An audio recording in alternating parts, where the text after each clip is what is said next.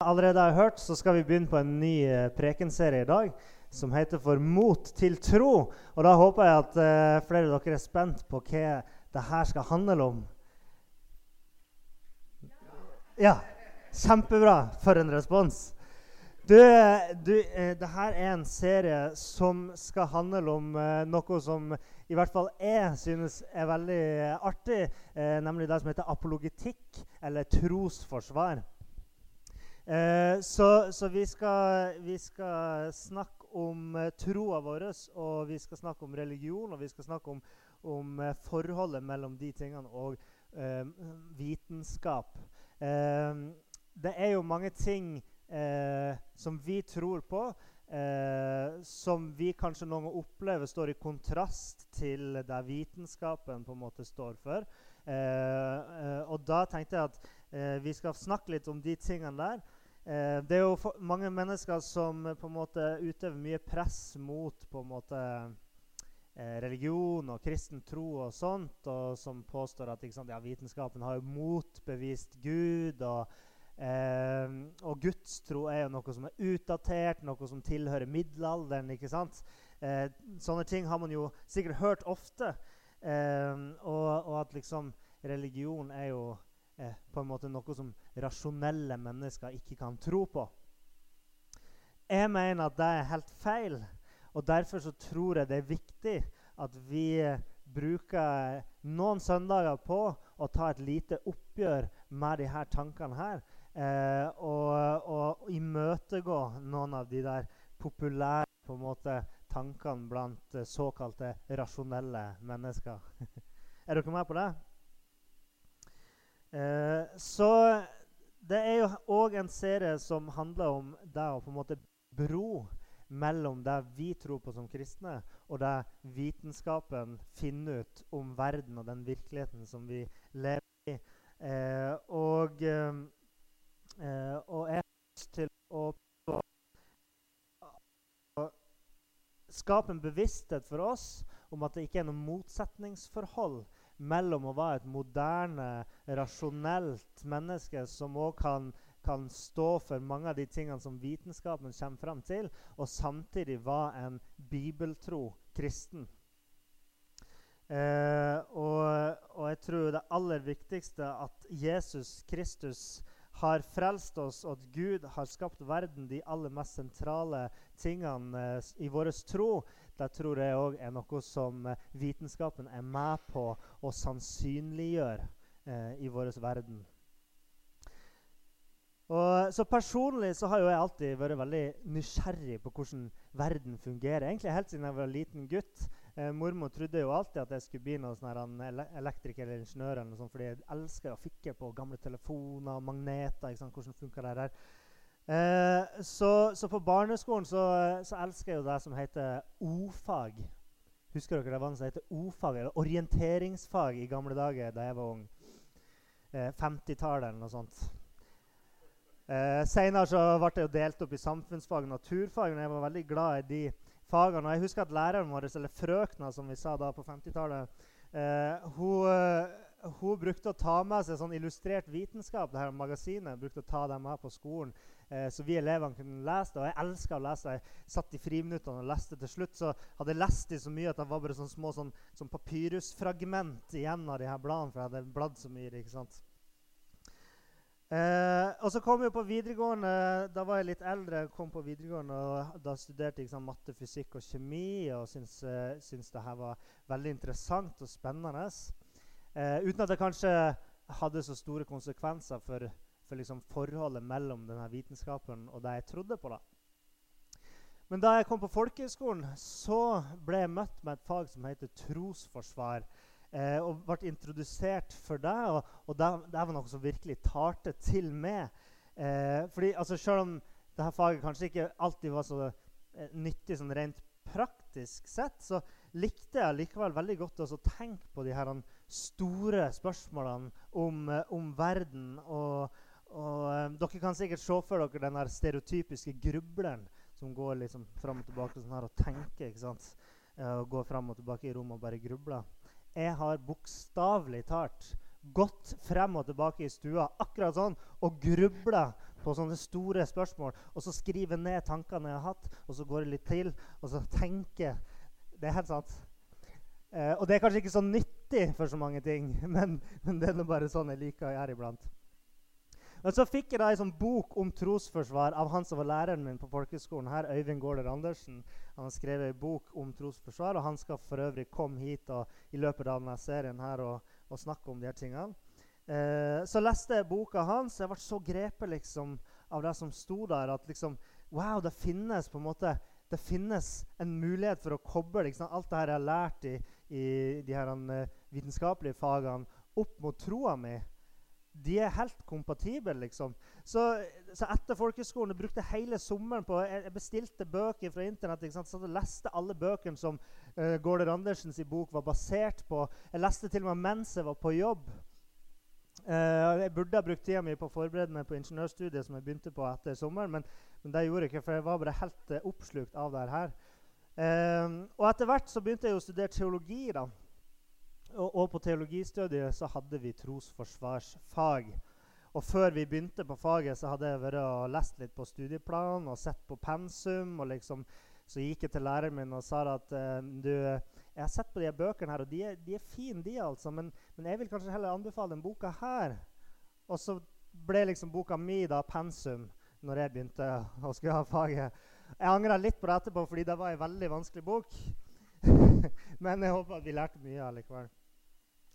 Men poenget er at det her er jo ikke en historie om hvor mye jeg har lest, eller sånne ting, men historien handler om at uh, mitt møte med, uh, med altså, oppdagelsen av at vitenskap og troa mi er fullstendig mulig å slå sammen. De er helt forenlige. da.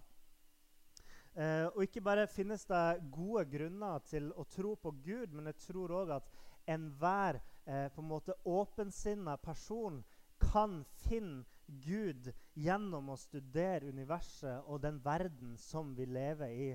Eh, hvis man virkelig er ute etter å finne ut av hvordan ting henger sammen, og ser på de tingene som Gud har gjort i verden, så er man sikker på at man, man eh, kan komme fram til at Gud eh, er virkelig. Så min opplevelse av de her tingene her var ikke bare trosbyggende, men det bevisstgjorde meg og kanskje enda mer på, på det behovet for å være i stand til å gi svar på hvordan det er mulig for meg å tro det jeg tror på. Eh, I første Peters brev For de som har Bibelen med seg, så kan dere slå opp i 1. Peters brev, kapittel 3, vers 15. Eh, der står det Vær alltid rede til forsvar overfor enhver som krever dere til regnskap for håpet som er i dere. Jeg tror ikke at troen på Gud og livet sammen med Jesus bare er av ren på en måte, intellektuell art. Jeg tror det er noe som er i, hjertet vårt òg. Eh, men jeg tror òg at mange mennesker har et behov for å få svar på noen ting i forhold til det med å tro på Gud. Ofte har jo folk eh, kommet med eh, ikk, Og de spør ikke hvordan føles det å tro på Gud, men de spør hvordan, hvordan kan du tro på Gud i forhold til dette problemet, denne utfordringa. De har konkrete spørsmål, liksom, problemer som kanskje holder dem borte. Og da tenker jeg, Hvis det bare er noen sånne spørsmål som holder et menneske borte fra Gud, F.eks.: Hvordan kan du tro på Gud når vitenskapen viser at Big Bang eh, har skjedd? ikke sant? Jo, da kan jeg forklare. Jo, sånn og sånn og sånn. Det er helt fullstendig kompatibelt. Hvis det bare er sånne spørsmål som holder et menneske borte fra Gud, da vil jeg gjøre det jeg kan for å kunne gi eh, i hvert fall et akseptabelt svar til de her menneskene. Ingen av oss kan jo gi svar på alt, men alle kan gi svar på noe. Ok? Så forhåpentligvis så kan du òg være eh, ett hakk bedre til å forsvare det håpet du har i deg etter denne serien her. Eh, selv om det er klart vi kommer ikke til å rekke å, å besvare alle spørsmål eh, som man kan ha, men, eh, men, i hvert fall noen av dem. Og jeg tror at Hvis du ikke føler deg så veldig kristen, eh, så kan du oppdage at det finnes gode grunner til å tro. Eh, når jeg var i denne perioden eh, i livet mitt der jeg oppdaga her tingene her og syntes det var så eh, motiverende at, at, vitenskap og tro liksom gikk sammen, så, så leste jeg Romerbrevet kapittel 1 på en, eh, ny måte. Jeg leste det kanskje i lys av på en måte det jeg var opptatt av der og da.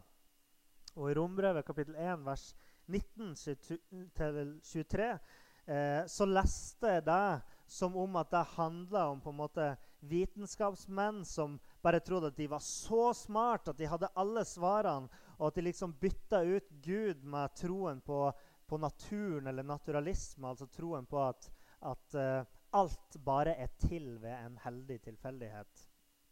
Men der står det fra vers 19.: For det en kan vite om Gud, ligger åpent foran dem.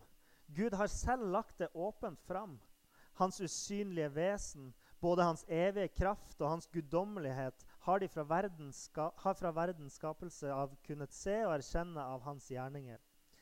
Derfor har de ingen unnskyldning. De kjente Gud, men likevel lovpriste og takket de ham ikke som Gud. Med sine tanker endte de i tomhet, og deres uforstandige hjerter ble formørket. De påsto at de var kloke, men de endte i dårskap. De byttet ut den uforgjengelige Guds herlighet med bilder av forgjengelige mennesker, fugler, firbeinte dyr og krypdyr. Uh, så når jeg satt og, og leste det på den tida, så, så tenkte jeg her høres ut, det snakka jo rett inn i vår tid. Her er det snakk om vitenskapsmenn. De bytta ut Gud med evolusjonslære og alle de tingene her, firbeinte krypdyr og alt sånt. ikke sant? Sånn, sånn tenkte jeg jo det. Men, men jeg har jo senere kommet til å innse at det er klart at Paulus tenkte ikke på det når han skrev. Det var ikke moderne vitenskapsmenn han tenkte på når han skrev det. Men jeg tror jo likevel at det peker på en bibelsk sannhet som er like sann i dag som da han skrev det. Nemlig at man kan finne Gud ved å studere verden at, eh, og de gjerningene som Gud har gjort i verden. Fordi at Gud eh, har lagt det åpent fram. Eh, han har gjort seg sjøl synlig gjennom hans skaperverk. Gud er ikke borte fra verden. Han er den som har skapt deg, og alt vi ser, er hans kunstverk. Og det i seg sjøl gjør oss i stand til å studere verden og finne, eh, finne han som har designa denne verden. Eh, men jeg tror òg at det som står her, er sant i forhold til det med å bytte ut Gud med avguder. Det er jo det Paulus snakker om. Å bytte ut uh, Gud med bilder av forgjengelige mennesker, av dyr. Han snakker om avgudsbilder og sånne type ting. Men jeg tror det at vitenskapen og troen på menneskets framgang eh, kan òg bli en avgud i seg sjøl hvis vi lar det bytte ut troen på Gud. Ok? Eh, og I dag så finnes det en del eh, ateister, man kaller de gjerne nyateister, eh, som er ganske aggressive i sin retorikk eh, mot religion og, og, mot kristne. Det gjelder ikke alle ateister, så jeg skal ikke dra alle under en kam, men det finnes eh, en spesiell type ateister som er veldig aggressiv. Eh, og En av de heter Richard Dawkins, som er veldig høylytt i sin kritikk av eh, kristendom og religion. Eh, og Han skrev en gang at ekte vitenskapsmenn de tror ikke på Gud. Han eh, er jo en av de foregangsmenn for en tanke om at Kirken og naturvitenskapen er fiender. Men er de virkelig fiender? Det finnes jo ulike meninger om dette. Ulike, altså folk tror jo forskjellig om forholdet mellom kristendom og, og vitenskap. ikke sant? Eh, både blant kristne og blant ikke-troende. Eh, men spesielt måte akademiske kretser, eh, på univers universiteter og blant filosofer, og sånt, så har man eh, de senere årene begynt å ta sterkt avstand fra denne tanken om at det er fiendskap mellom kirken og religion. Flere og flere begynner å innse at nei, nei, nei, bildet er mye mye mer komplekst enn det. Eh, men noen drar jo fortsatt fram de her gamle enkelteksemplene på at liksom Kirken alltid har motarbeida menneskehetens framskritt. Og En av de historiene er jo historien om Galileo Galilei. Eh, på 1600-tallet så sto jo denne astronomen Galilei fram med en teori om at eh, sola sto i sentrum av solsystemet, eh, og at jorda beveger seg rundt sola. Eh, I motsetning til det som tidligere hadde vært det, det kanskje rådende synet om at jorda sto i sentrum, at sola bevegde seg rundt jorda. Man, hør, man trodde ikke at jorda var flat, eh, men man trodde at jorda sto i sentrum. Men selve ideen om at sola kanskje var den som var i midten, det var ikke en ny idé. Eh, men Galilei han sa at han kunne bevise at det var sånn det var, og, og, og det var sånn det var. Eh, men pga. at han eh, ikke slutta med å forkynne dette budskapet her Han fikk jo pålegg fra Kirken om å, om å, legge fra seg den tanken der. Men han gjorde jo ikke det, og pga. det og andre ting så ble han fengsla på livstid pga. det Kirken kalte kjetteri. Og denne historien blir jo ofte fremholdt som på en måte kroneksempelet på det at kirken, Bare se her hvordan kirken de var imot all vitenskap, og de ville ikke at menneskeheten skulle bevege seg framover og ha kunnskap om verden. og alt sånne ting. Men sannheten er jo det Jeg kan ikke gå inn i alle detaljer, men sannheten er det at denne historien eh, og den situasjonen som Galilei sto i, var mye mer kompleks enn det som kommer fram i det her eh, svart-hvitt-bildet som mange tegner opp. Eh, Galilei var jo f.eks. Eh, en veldig god eh, venn av en eh, på en måte pavekandidat. Eh, på denne tida på, på 1500-1600-tallet så var det veldig mye kirkepolitikk, og det var sterke krefter ute og gikk. Galilei var bestevenn til en biskop som eh, på en måte hadde lyst til å bli pave, men denne bestevennen til Galilei, og han ble ikke pave. og siden Galilei hadde så nært forhold til han, så betydde det eh, at Galilei ble veldig utsatt innenfor kirken fordi han hadde støtta opp om denne kandidaten som ikke eh, nådde fram. Eh, sånn at eh, Den egentlige årsaken til at Galilei ble satt i fengsel, var ikke bare fordi han sto for det synet han gjorde, men, eh, men det var òg knytta til de her indre kirkepolitiske problemene samt andre faktorer, sånn som striden mellom den katolske kirke og den protestantiske kirke. Eksempel. Men faktum er jo da at den eh, såkalte heliosentriske verdensmodellen, eh, der at sola står i sentrum, den ble jo først presentert av en som heter Nicolas Copernicus. De aller fleste har jo hørt navnet Copernicus. Eh, og Han presenterte denne teorien i 1543. Det er over 50 år før Galileo Galilei kom og sa at ja, det her høres jo rasjonelt ut.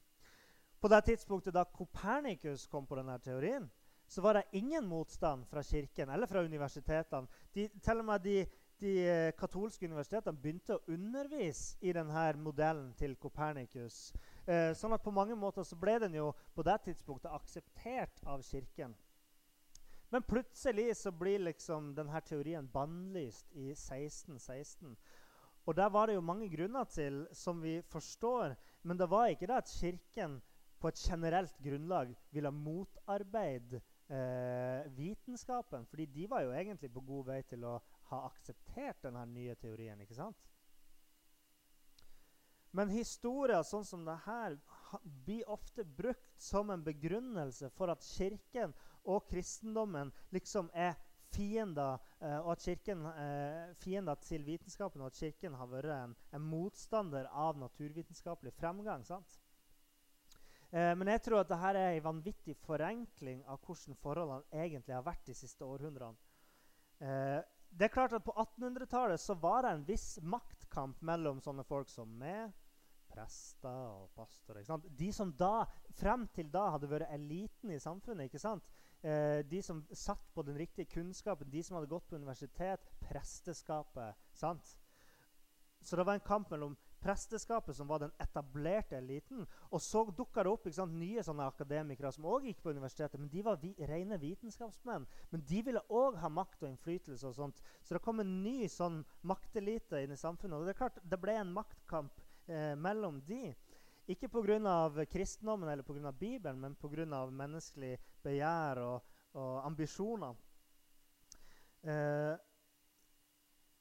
skal vi se Eh, men bildet av, eh, av, eh, her, bildet av liksom, en konfrontasjon mellom kirken og vitenskap eh, det er, som, som noen liksom prøver å tegne opp Det var egentlig ikke en konfrontasjon mellom kristendom og vitenskap, men mellom vitenskapelig fremgang og kulturell tradisjon.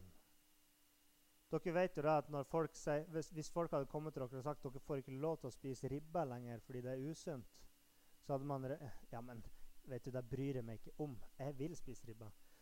Og Det er en sånn ting, det ligger i kulturen vår. Det er noen kulturelle ting vi vil ta vare på. Men så kanskje kommer vitenskapen og sier ja, men det her er ikke bra. liksom. Det er ikke riktig. Og Da kan det oppstå spenninger. Det er ikke fordi at jeg vil ikke spise ribba fordi jeg er kristen, men det har med min kultur å gjøre. Men noen kunne ha kommet til å sagt at ja, det er fordi du er, du er jo kristen. Det er jo derfor. ikke sant? Man ser en sånn feil sammenheng mellom kristendom og vitenskap. Fordi at kristendommen har jo vært har jo vært en av de mest rådende og fremtredende elementene i vestlig kultur. Sant? Kirken har hatt en enorm plass i vestlig kultur opp gjennom årene. Eh, men den vitenskapelige fremgangen konfronterte ikke bare Kirken og, og religion og kristendom, så mye som den òg konfronterte politiske ting eh, og, og, kulturelle ting og sosiale ting som tilhørte den totale eh, kulturen. Henger dere med? Ja. Jeg skjønner at dette er kanskje litt vanskeligere å henge med på den vanlige søndagspreken om at Gud elsker deg. og sånn. Men jeg tror det er viktig. Jeg tror det er viktig. Eh, så, sånn at Pga. at kristendommen var en så sentral del i kulturen og så fremtredende, så ble det lett å se Kirken som en syndebukk. Eh, at det var Kirken som var problemet. Det var da proppen var liksom for vitenskapens fremgang. Eh, og i hvert fall så kunne det være lett å tro sånn hvis man ikke så godt nok etter. Og det er jo det de her moderne akademikerne har begynt å gjøre. Å se at Vent, det her stemmer ikke, for det her er mye mer komplekst. Det er jo mange flere ting i kulturen vår enn bare Kirken. Så det er det som skjer, at, eh, at, eh, at, man innser at det er ikke så svart-hvitt som man skulle ha det til. Eh, men her er i hvert fall grunnen til at noen har sett på det her forholdet mellom Kirken og vitenskap som et konfliktforhold. Og denne måten å tenke på forholdet mellom religion og vitenskap på, det blir kalt konfliktmodellen der man ser for seg at det alltid er en sånn stadig konflikt mellom, eh, mellom de her to størrelsene. Eh, og dette er kanskje den modellen som dessverre har blitt mest populær i vår tid.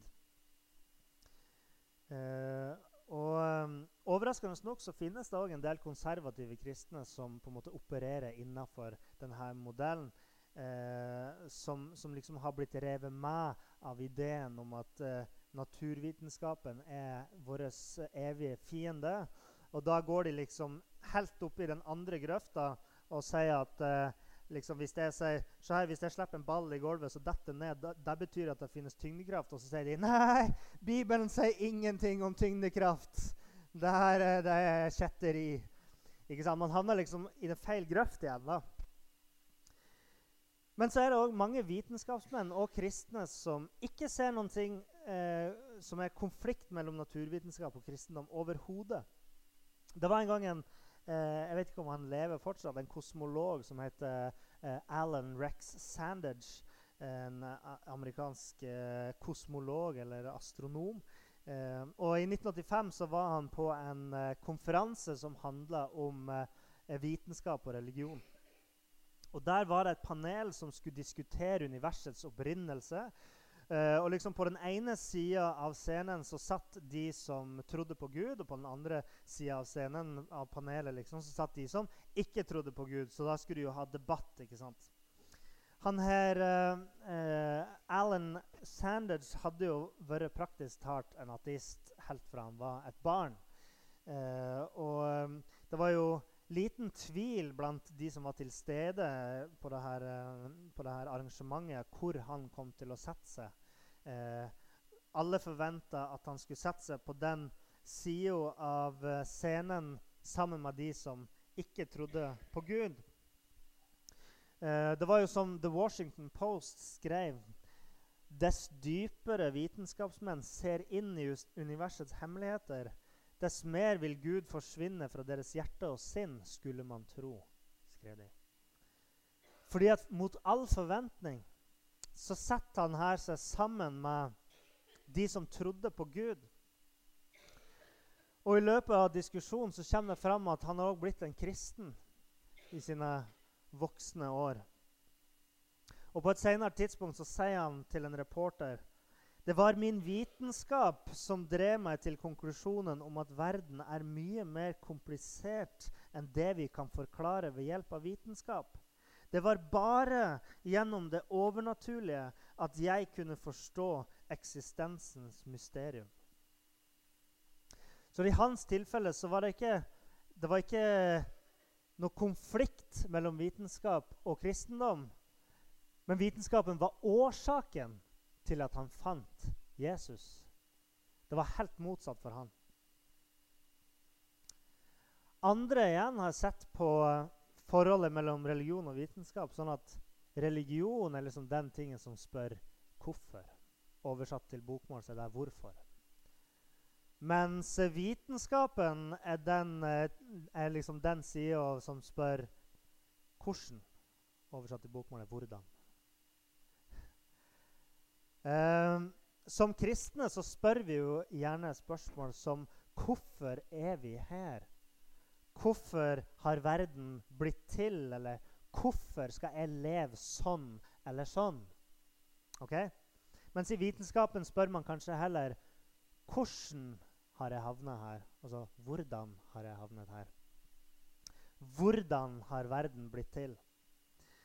Og Derfor så mener noen at at kristendom og religion er ufor, uforenlig fordi de stiller helt forskjellige spørsmål om virkeligheten som vi lever i.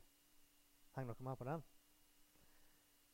Religion er bare opptatt av etiske spørsmål. sant? Meninga med livet, hva er godt og hva er ondt. Søken etter, etter uh, det overnaturlige. Mens vitenskapen er opptatt av å forklare hvordan ting henger sammen. og og, og komme med fakta om den verden som vi lever i. De er liksom opptatt av helt forskjellige ting. da.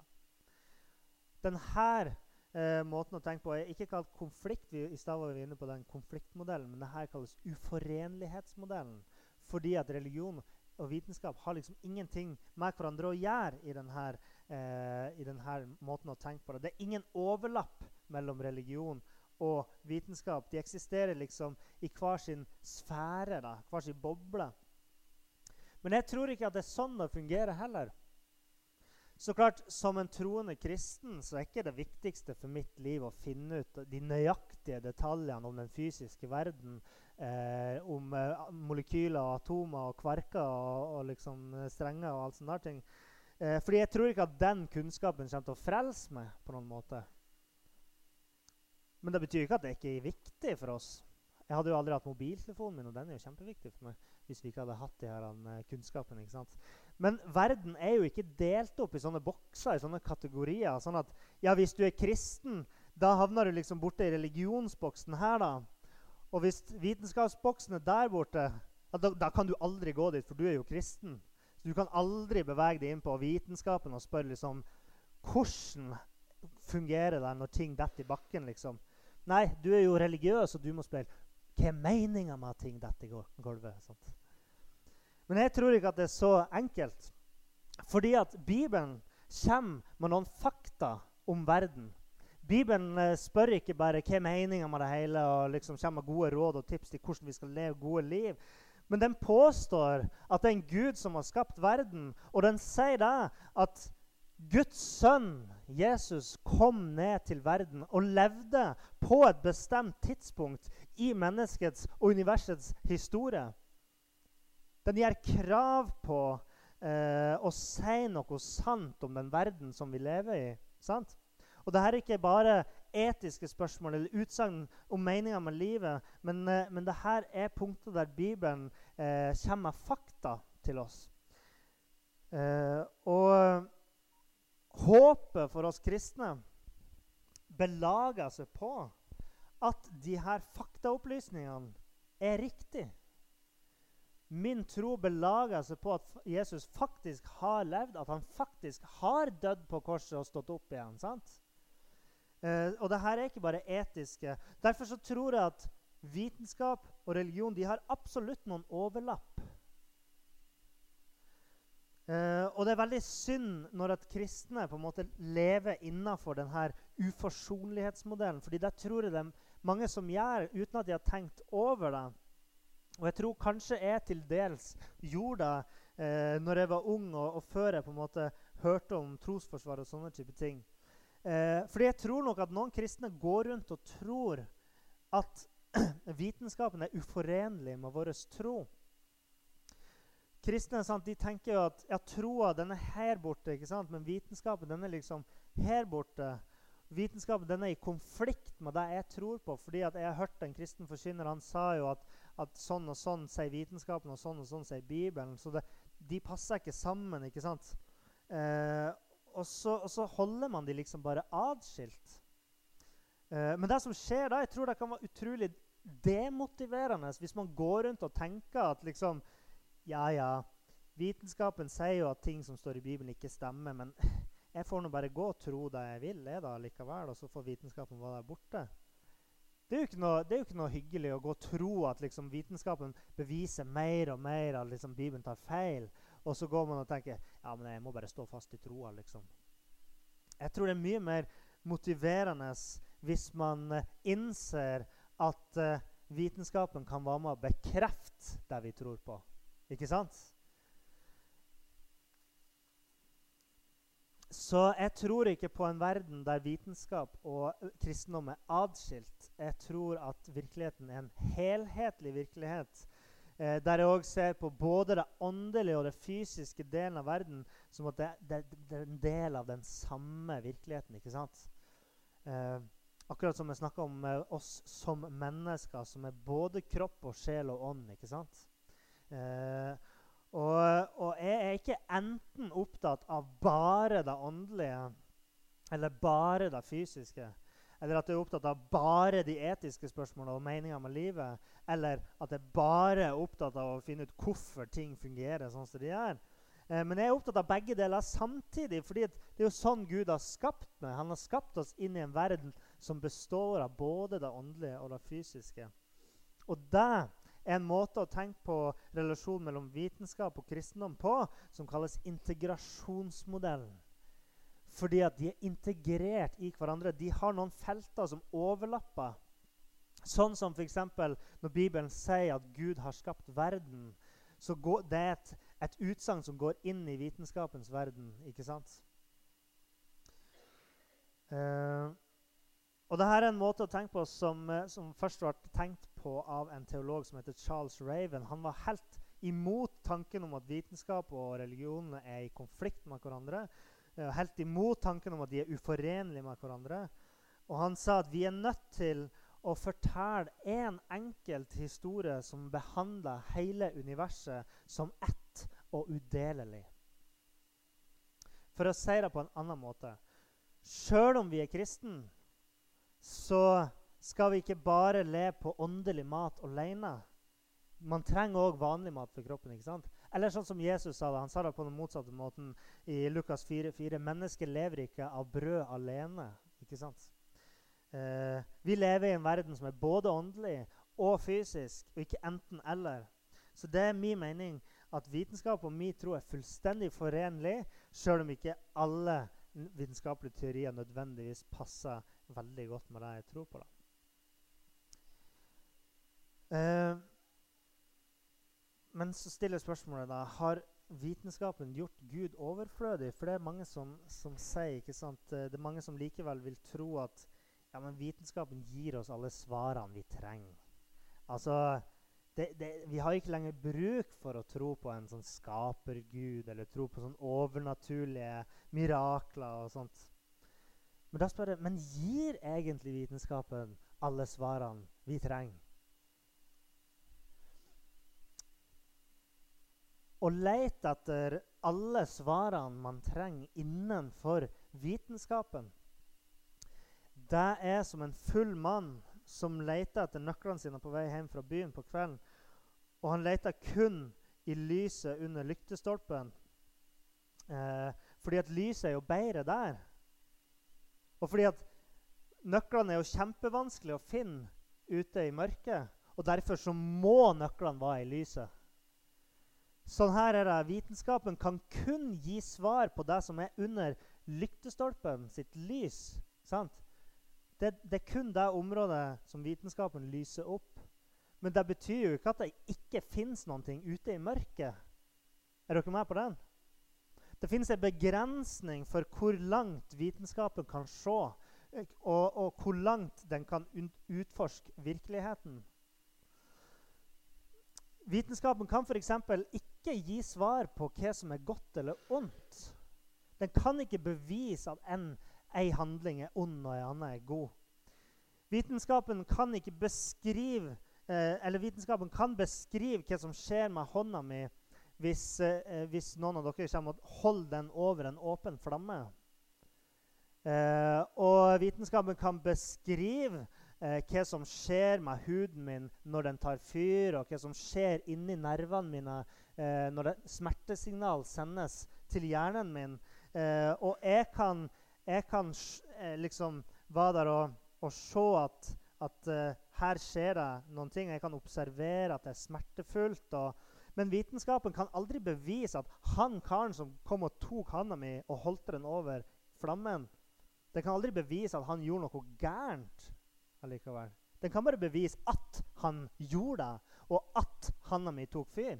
Men ikke at det var gærent, at det var moralsk ondt. Uh, vitenskapen kan heller ikke gi oss svar på om noen ting har verdi. Uh, man kan aldri bevise at et menneskeliv har en verdi i seg sjøl. Du kan si at et menneske finnes, og at et, men, et, menneske er en organisk maskin. Du kan ikke bevise at den er verdt noe mer enn en stein eller ei elv som renner ned fra fjellet. liksom. Vitenskapen kan heller aldri forklare hvorfor vi er her, eller hva som er meninga med livet. Vitenskapen kan kun forklare det som tilhører det fysiske og den naturlige verden. Kun det som er under lyktestolpen. Er dere med? Så hvis man tror at vitenskapen har alle svarene man trenger, vet du, da tar man et filosofisk, uvitenskapelig standpunkt om at den eneste virkelighet er den naturlige virkelighet. Det eneste som finnes, er det som er under lyset til lyktestolpen. Det er ikke et vitenskapelig standpunkt. Vitenskapen kan aldri si at det eneste som eksisterer, er det som er innenfor vitenskapen. Den kan ikke si noe om det. Så det er et, et uvitenskapelig standpunkt man tar. Og, øh, og, samtidig, hvis man sier at, at, vitenskapen gir alle svar, så sier man at det samtidig ikke finnes noen mening med tilværelsen. Til syvende og sist, Man kan skape sin egen mening, men til syvende og sist så er det ingen mening. Det finnes egentlig ingenting som er godt eller ondt. Eh, og det finnes ingen grunn til at vi er her. Man aksepterer da at vi er ingenting mer enn et, et resultat av helt tilfeldige, meningsløse prosesser i et tomt univers. Jeg tror at selv om det er en del folk som, som tror på det her, og som er overbevist om at vitenskapen gir svaret på alt, så tror jeg det er de færreste som, er, som virkelig innser betydninga av det standpunktet, av den troen man har på vitenskapen. Å virkelig innse livet som meningsløst, jeg tror det kan virkelig ødelegge et menneske. Og Derfor så tror jeg ikke at folk virkelig tar det her inn over seg. Og om ikke det var nok, så er det noen som mener at en av kristendommens svakheter det er at kristendommen tilbyr mening. Fordi det er liksom, det er liksom derfor kristne er kristen. Fordi at de er så svake at de trenger liksom å finne på en grunn til å ha en mening med livet. Karl Marx han sa jo det kjente eh, sitatet 'religion er opium for folket'. Eh, han mente jo at eh, religion er som en rus, eh, en slags sånn ting som får oss til å holde ut gjennom livets vanskeligheter. og sånt, Fordi at vi, vi har jo håpet om at ting skal gå bra til slutt. Og vi kan leve akkurat sånn som vi vil fordi at vi vet at vi blir frelst til slutt. Jeg mener at det stemmer ikke. Jeg tror at det er mer riktig å si som eh, den eh, polske forfatteren som heter for eh, Czeslaw Milosz. Ja, det er riktig uttalelse til og med.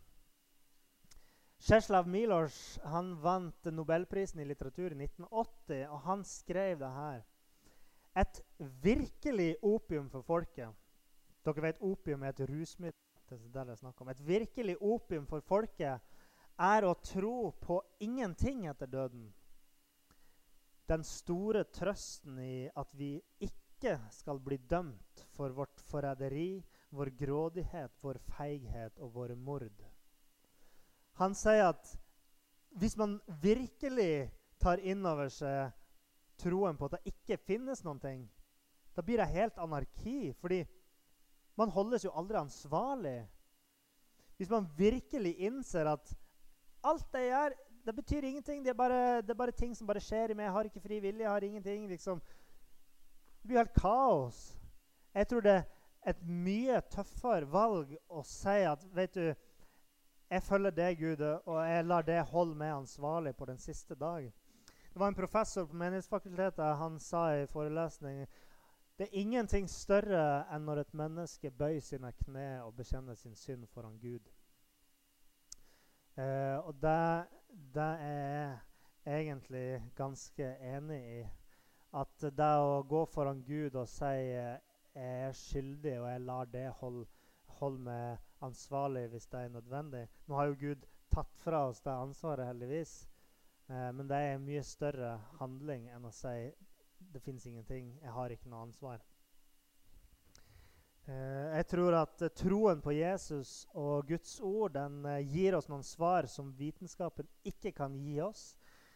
Som ikke bare gir livene våre mening, men som òg gir mening til vitenskapen. Uten Gud vil, har ikke vitenskapen noen form for verdi eller mening.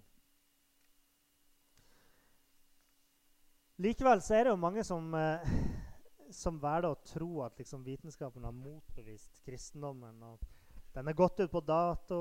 og Mirakler kan umulig finnes. Og, eh, og eh, jeg har lyst til å si til de som tenker sånn jeg vet ikke om det er noen her i dag, eller om det er noen som hører på nett. Eller. Men jeg, jeg forstår da at å tro på Gud eller på mirakler for en som alltid har tenkt at vitenskapen er svaret på alt, så kan det føles som et vanvittig stort skritt ut i ukjent farvann. Og eh, og plutselig skal tro at det finnes en Gud som har skapt alt, og som utfører mirakler, som på en måte som bryr seg om enkeltmennesker i det her uendelig store universet. Jeg forstår at det kan høres vanskelig ut. Men det var jo sånn at til og med Jesu disipler de sleit med å tro på Guds største mirakel. Selv om de hadde gått sammen med Jesus og de trodde på han og de trodde på miraklene han gjorde. De hadde sett han gå på vannet, og det trodde de på. Men noen av de sleit med å tro at han virkelig hadde stått opp fra de døde. I Matteus 28, 17 der står det at når disiplene fikk se Jesus etter han hadde stått opp fra de døde, da står det og da de fikk se ham, falt de ned og tilba ham. Men noen tvilte. Sjekk, det her er altså det her, det her, er altså en av de aller første som skriver historien om, om Jesus og, og, hvor bra Jesus var og, liksom, og alle de tingene her. Men, men, så tok han likevel med at ja, men det var noen som tvilte på at Jesus hadde stått opp. Det var det.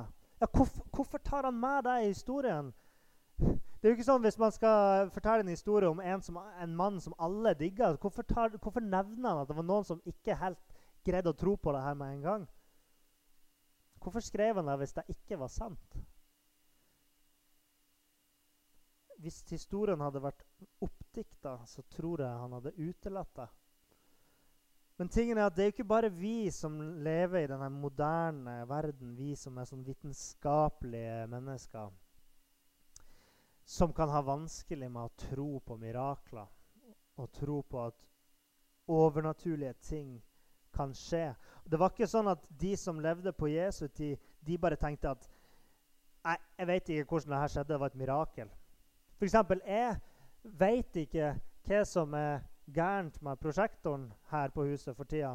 Men jeg sier ikke at det har en åndelig årsak av den grunn. Og sånn var det ikke på deres tid heller. Det var ikke sånn at De automatisk bare sa at uh, nei, det må ha vært et mirakel, for det her forstår ikke jeg. De så at Jesus hadde stått opp, og de så han i levende livet, men de tenkte likevel Hm, Er du helt sikker på det? Er det, er det ikke noe muffens her? De godtok ikke mirakel med en gang. Så de var ikke så annerledes fra oss. De reagerte akkurat sånn som oss moderne mennesker. Men likevel så turte de å nærme seg Jesus. De turte å undersøke er det sant, det her. Og så var tvilen borte, for de fikk se at det virkelig var han. Det hadde virkelig skjedd et mirakel. Og Derfor så er min utfordring til deg i dag og tør å se utafor vitenskapen. For kanskje så kommer du til å se at nøklene dine lå utafor lyset til stolpen.